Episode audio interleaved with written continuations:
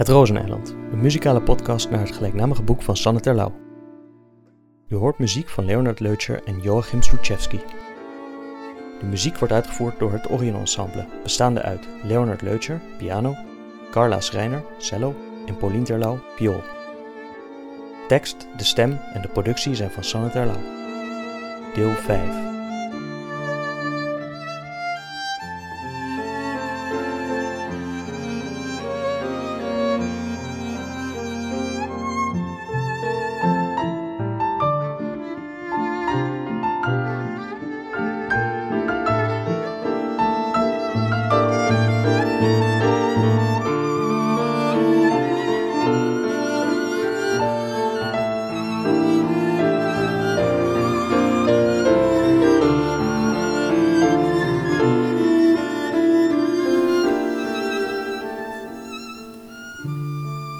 Messias nummer 5. Jaron.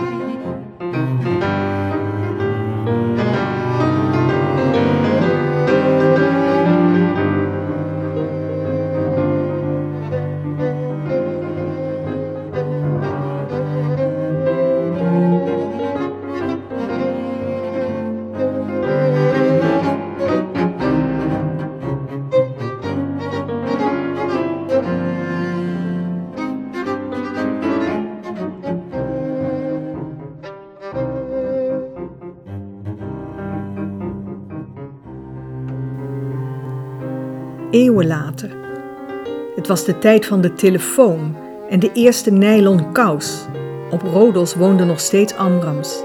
Diamante Amram besloot haar gezin eens te verwennen. Ze zou een flinke doos bonbons kopen. Ze hielden daar zoveel van. De bonbons uit de Griekse winkel waren het lekkerst. Die kwamen uit België. Bonbons uit zo'n rode doos met een strik erop. Ze wandelde langzaam door de vertrouwde straatjes van de stad. In de etalage van de chocolaterie stond een geel papier tegen de vrolijke rode dozen. Voor Joden verboden was erop geschreven. Voor Joden verboden? Wat was voor Joden verboden? Dat moest een vergissing zijn. Ze stapte over de drempel, verlegen. De belletjes van de deur klingelden. Er stond een hele rij mensen. Ze glimlachte naar de elegante mevrouw Cadopoulos achter de toonbank. Die werd vuurrood en haalde diep adem, wat haar wespentaille accentueerde. Ze knikte in de richting van de etalage. Hebt u niet gelezen wat er op dat papier staat, mevrouw Amram? vroeg ze, en haar stem klonk metalig. Iedereen in de winkel hoorde het. Ik dacht, zei Diamante schutterig. Ik dacht. Ga maar liever weg, zei mevrouw Cadopoulos. Ga nou maar vlug, woof ze met haar handje. Ik geloof dat ik een agent zie aankomen. Zo word ik weggewuifd uit iemands leven, dacht Diamante. Door iemand die ik al mijn halve leven ken. Dit kan niet echt gebeuren. Ik droom. Ze wilde weg, maar haar voeten waren van cement. Ze moest bonbons hebben.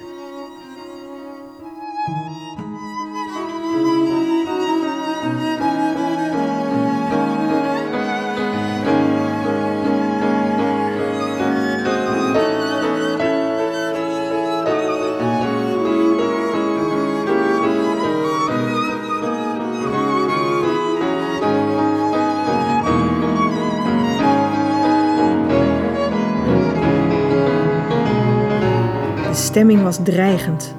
Iedereen keek inmiddels naar haar. Een onbekende man wees naar de deur. Eruit met die vrouw. Weg met die Jodin.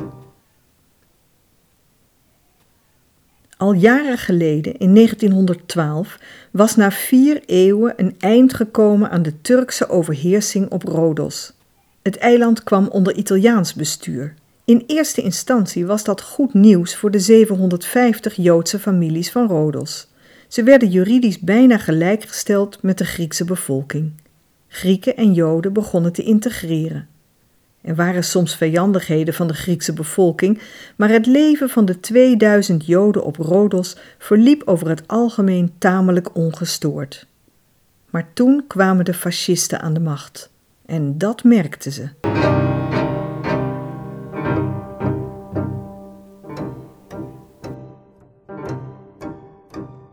Lezen jullie eigenlijk wel eens een krant? vroeg Peppo, de oudste zoon, die avond verbaasd.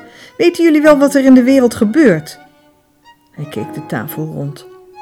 Allegra en tante Alef zaten met elkaar te fluisteren. Zijn vader zat oom Behor Isaac te plagen door kruimeltjes brood op de rand van diens bord te leggen. Tante Hee staarde in de verte.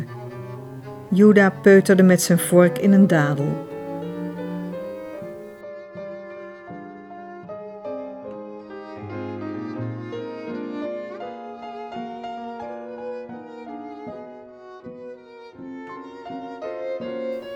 Peppo zette met een klap de beker met wijn op tafel. Weten jullie echt niet wat er gebeurt in Europa? In Duitsland is een nieuwe man aan de macht die Joden net zo erg haat als de Wekkie. En de Italianen spannen met hem samen, zeggen ze. Nou, nou, zei vader Davide, dat zal zo'n vaart toch niet lopen? Duitsland ligt aan de andere kant van Europa. Kom, laten we gaan eten. Het ziet er heerlijk uit, diamanten. Allegra giechelde zenuwachtig. Peppo was wit Sluit toch alsjeblieft je ogen niet voor het gevaar, vader, riep hij. Je zult zien dat het fout afloopt. Het loopt altijd fout af voor Joden. We moeten hier weg. Hier weg? schrok Diamante. Ach, kom, zo'n vaart loopt het heus niet, zei vader nog eens. Kom, moeder, schenk de soep eens in. Hier, Peppo, pak aan. Vooruit, eet wat. Juda had niet echt geluisterd. Zijn geest was, zoals zo vaak, ver weg gedwaald. Hij geloofde in het goede van de mens en kon zich niet voorstellen dat iemand hun gezin kwaad zou willen doen. Stella klom bij hem op schoot en aaide zijn nog onbehaarde wang. Juda, zei ze, waar ben je? Ben je weer achter de wolken bij God? Jodenvervolgingen, mompelde Peppo. Pogroms, daar weet ik maar één antwoord op: wegwezen. Pogroms? Hier op Rodos, zei Juda, in deze uithoek? Dat zei ik ook al, zei Davide. Juda, doe niet zo naïef, riep zijn broer. Altijd en eeuwig gaan Joden op hun gemak zitten wachten tot ze doodgetrapt worden. We moeten actie ondernemen. Ik wou vanmorgen bonbons voor jullie kopen in de winkel van Kadopoulos, zei Diamante somber. Er stond een bord in de etalage. Verboden voor Joden. Dat kun je toch niet geloven? Maar wat kon ik doen? Peppo sloeg met zijn vlakke hand op tafel. Niemand at nu meer. Stella klampte zich vast aan Juda. Malka staarde in de verte.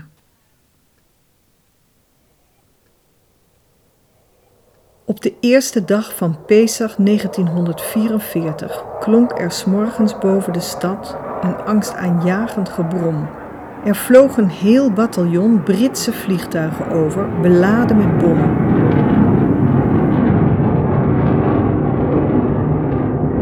Veel Joden waren op dat moment in de synagoge. Het ochtendgebed was net afgelopen. De gelovigen kwamen naar buiten en juist toen vielen de bommen. Een van de bommen raakte precies een groepje mannen voor de synagoge. Juda had het voor zijn ogen zien gebeuren. Het bloed, het ontzettende lawaai hij zag door een waas van rood, een gordijn van bloed, dat het hoofd van Moshe Franco werd afgerukt, de man met wie hij een minuut eerder nog had staan praten. Hij zag het hoofd door de lucht vliegen en in een boom terechtkomen. Moshe's lichaam bleef nog rechtop staan. Het leek een eeuwigheid, maar het kon maar een tel geweest zijn. En Juda bleef maar naar dat hoofd staren dat hem aankeek vanuit de boom en hij kon niet meer bewegen. Zijn vader was degene die hem uiteindelijk meesleurde, weg van het dramatische slagveld. Diamante, die de enorme klap ook had gehoord, kwam aanrennen. Oh, oh, oh, riep ze, mijn Juda, mijn Juda, je zit onder het bloed. Oh, mijn lieveling, wat is er met je gebeurd? Maar Juda kon niets zeggen. Hij keek naar zijn handen. Het was het bloed van Moshe, niet van hemzelf. Het was alsof er iets voor zijn hersens was geschoven, een groot rood vlak dat hem het denken verhinderde. Op dat rode vlak werd steeds diezelfde film vertoond. Het hoofd van Moshe dat door de lucht vloog en in een boom bleef hangen. En weer zag hij het. En opnieuw, in eindeloze trage herhaling.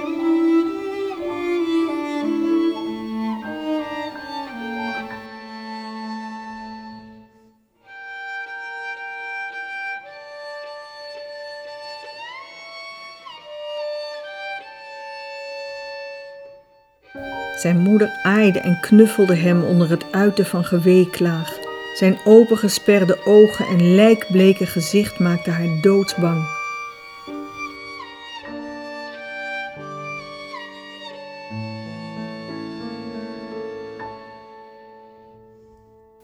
Zesentwintig mensen waren omgekomen. De overlevenden begroeven hun doden, maar met Juda was sinds die dag geen land meer te bezeilen. Hij zat daar maar op een kruk in de keuken, met zijn ellebogen op de keukentafel en met zijn handen ondersteunde hij zijn hoofd. Hij staarde onafgebroken naar een punt in de verte. Stella kwam en aaide over zijn armen. Diamanten zette lekkere dingen voor hem neer. Malka waste zijn gezicht en zijn nek. Peppo vertelde moppen. Davide ging tegenover hem zitten en keek hem alleen maar treurig aan. Niets hielp. In Juda was iets kapot gegaan.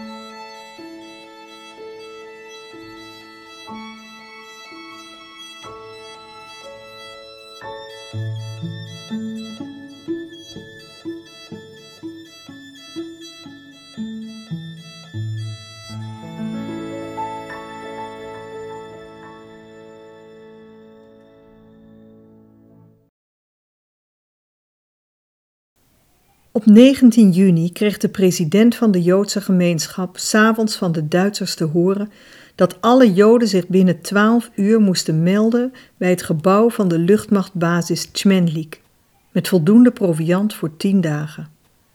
Wie waardevolle spullen bezat, moest ze meebrengen. Er werd gezegd dat de Joden voorlopig op een klein eiland in de buurt van Rodos zouden worden ondergebracht. Beppo vertrouwde het niet. Hij probeerde zijn vrienden op het vasteland te bereiken, maar dat was onmogelijk. De telefoon was al sinds tijden afgesloten, telegraferen was verboden, een radio mocht je niet meer bezitten en het was ondenkbaar dat er een schip zou aanmeren. Hij begreep dat ze hoe dan ook gevangenen waren en sloeg zich voor het hoofd dat ze niet van Rodos waren weggegaan toen het nog kon. De volgende ochtend hing er een akelige spanning in de juderia.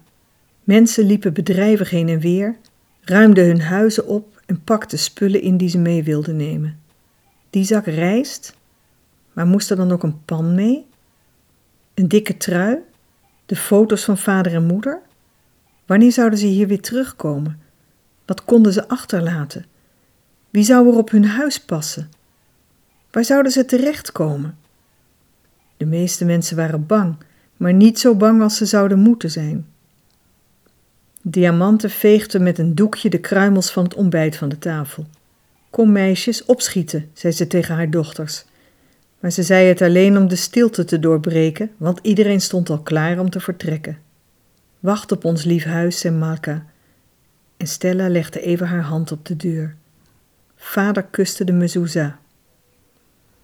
Overal liepen mensen, hun buren, bekenden. Iedereen had bundeltjes bij zich met voedsel en kleding en wat dierbare bezittingen. De nacht brachten de 2000 bewoners van de Juderia door op de harde vloer van het luchtmachtbasisgebouw, leunend tegen elkaar of tegen de muren. De volgende ochtend moesten ze zich opstellen op de binnenplaats om geteld te worden.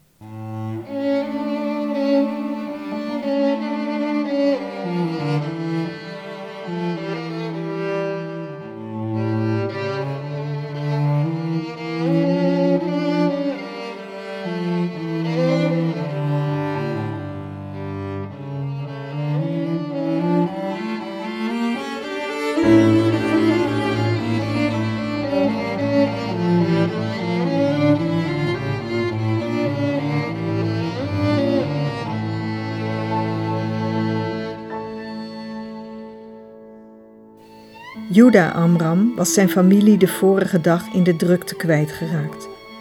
Er had zich een gedicht in zijn hoofd gevormd. Hij moest het opschrijven. Hij zei nog altijd niet veel. En dromerig had hij zich losgemaakt uit de massa en was teruggelopen naar huis en was op hun kleine zoldertje gaan zitten achter een kast. Zo kon niemand hem storen. Hij vergat zijn familie en de nazi's vergaten hem.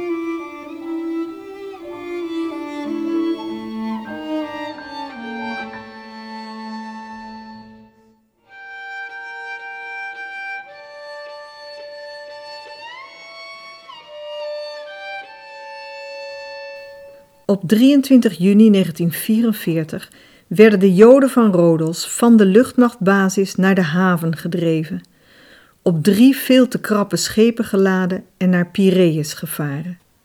Tijdens hun tocht door de stad naar de haven waren ze nageroepen door de Grieken. Kom maar nooit meer terug. Blij dat we van jullie af zijn. Diamante had de vrouw van Cadopoulos zien staan, als altijd tot in de puntjes elegant gekleed. Ze had niets gezegd en het leek alsof haar handschoentje zelfs gewuifd had. Maar haar man naast haar had zijn vuist naar de Joden gebald. Toen de Joden weg waren, ging de mufti van Rodos, de islamitische religieuze leider van het eiland, met schroom de synagoge binnen. Vergeef me, zei hij tegen niemand in het bijzonder. Hij liep naar de Aron, de kast waarin de Torah was opgeborgen. Met respect deed hij de deurtjes open wetende dat die alleen op Shabbat en op Joodse hoogtijdagen geopend werden. In de kast stond rechtop een oude Torahrol in een fluwelen doek gewikkeld.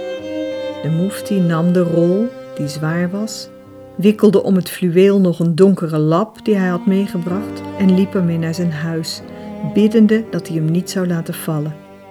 Thuis borg hij hem zorgvuldig weg op een geheime plaats. Vergeef me, zei hij nogmaals. In betere tijden zal deze rol hopelijk weer terechtkomen waar hij thuis hoort. Misschien kwam het door zijn wazige manier van doen, maar Juda werd de rest van de oorlog met rust gelaten door de nazi's. Hij wist her en der wat eten op te scharrelen en hield zich verscholen buiten de stad. Pas na de oorlog zag hij een krant waarin de moordpartijen in de stettels, de Poolse bossen, de ghetto's uit de doeken werden gedaan, de verbrandingen de gruwelen van de gaskamers.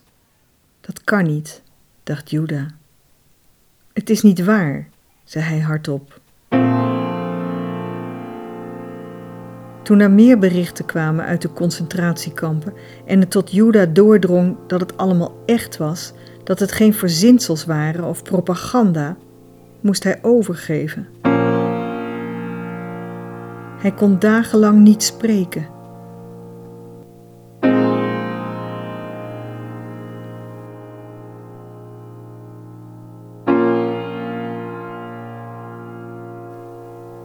Hij zag niemand en had het grootste deel van de tijd zijn ogen dicht om de beelden die zich in zijn hoofd opdrongen weg te drukken.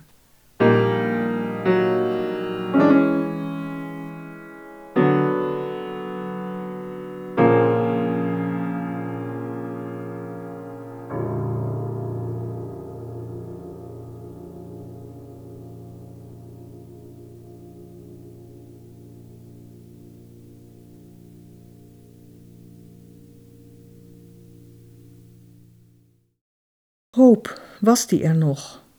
Mag een mens hoop hebben na zulke vreselijke gebeurtenissen? Kan een mens hoop hebben?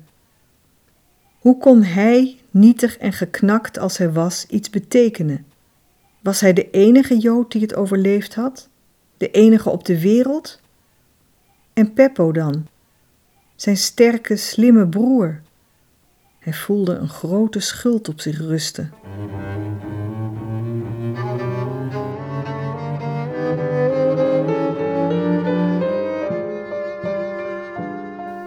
Drie dagen later zette hij voet aan boord van een schip dat hem naar Palestina zou brengen. Bij zich had hij alleen de zware Torahrol die de mufti hem had gegeven.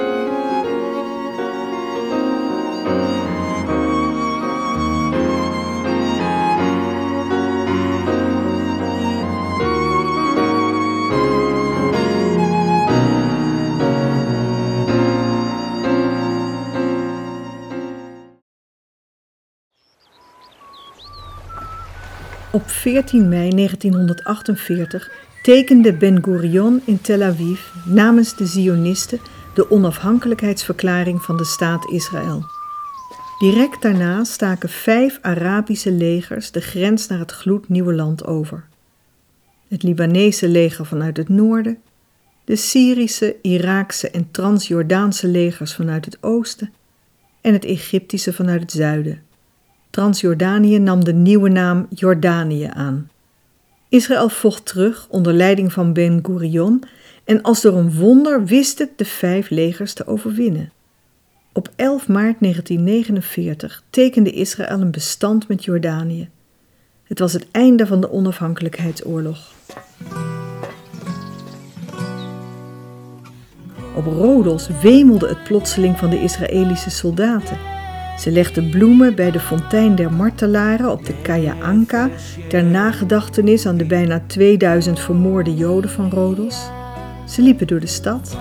Ze keken blij en levenslustig. Jawel, Jaron, de vrede tussen Israël en Jordanië zou op Rodos worden getekend.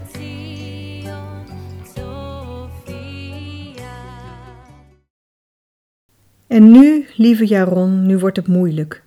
Misschien denk je dat we het moeilijkste gehad hebben, maar voor jou persoonlijk is de geschiedenis nog niet afgelopen.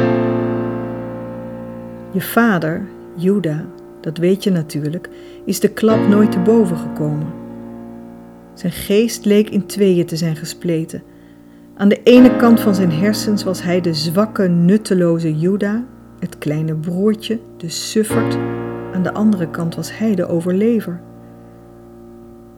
Tot zijn verbazing vond hij een vrouw, maar al kort na de geboorte van hun zoontje, van jou dus, begon hij waanvoorstellingen te krijgen. Hij geloofde dat hij de enige overlevende was van het Joodse volk. En dat uit zijn geslacht daarom de Messias zou worden geboren. Wellicht droeg jij niet alleen de genen, maar ook de levens van je voorvaderen bij je van vader op zoon, van moeder op dochter, zijn opvattingen doorgegeven, talenten, levenswijsheden, de beste manieren om te overleven. Jaron Amram, je hebt het rode haar van je voorvaderen uit Spanje geërfd. Je hebt de stem van je over, over, overgrootvader Jochanan. Je bent onmiskenbaar een Amram, zoals die al een paar honderd jaar op de wereld rondlopen. Maar al die verzamelde talenten, levenswijsheden en je geniale muzikaliteit waren niet genoeg voor de verwrongen geest van je vader. Hij moest nog meer van je maken. Hij ging geloven dat jij de Messias was. Hij had een redder nodig.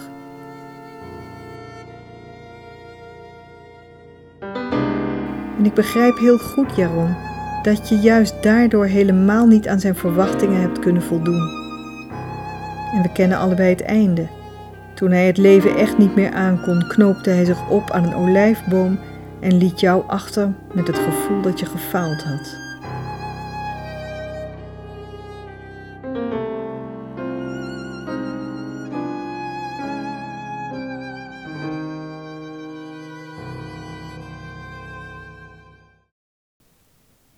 Jaron, Misschien zie ik je nooit meer in mijn leven, maar luister alsjeblieft naar me. Ik heb je wortels gezocht in de hoop dat ze je kunnen helpen een toekomst te vinden. Messiassen zijn er altijd geweest, al zolang de wereld bestaat. Laat je daardoor niet van de wijs brengen. Er was er bijvoorbeeld een die zei dat ze zijn hoofd maar moesten afslaan, dan zouden ze wel merken dat hij de echte was. Iedere Messias betekende hoop, Jaron, net zoals jij hoop voor je vader betekende. Net zoals je hoop voor mij betekent en altijd zult betekenen. Dat is toch niet verkeerd? Trek het je niet aan, het is maar een manier om het leven aan te kunnen.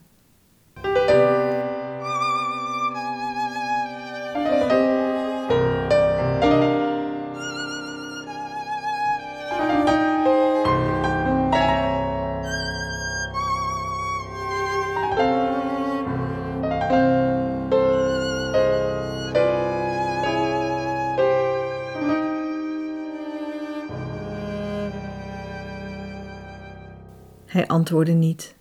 Jarenlang. Zij leefde haar leven zoals ze dat van plan was. Ze werd ouder, haar kinderen gingen uit huis en kregen zelf kinderen. Ze ging met pensioen en ze wachtte rustig. Op een dag in augustus kwam er een pakje uit Israël. Het was een CD. Johanan Songs of the Sea stond op het hoesje. Natuurlijk had ze van de zanger Johannan gehoord. Iedereen kende zijn naam, hij was wereldberoemd. Ze draaide de cd om. Een foto van de artiest. Hij was het, haar Jaron. Ze herkende hem direct, al was hij oud geworden. Dat de beroemde zanger Johannan dezelfde was als Jaron, dat had ze nooit geweten. Op het boekje bij de cd stond iets geschreven in het Hebreeuws. Voor Rosa, omdat je me wortels hebt gegeven en daarmee toekomst. Jaron.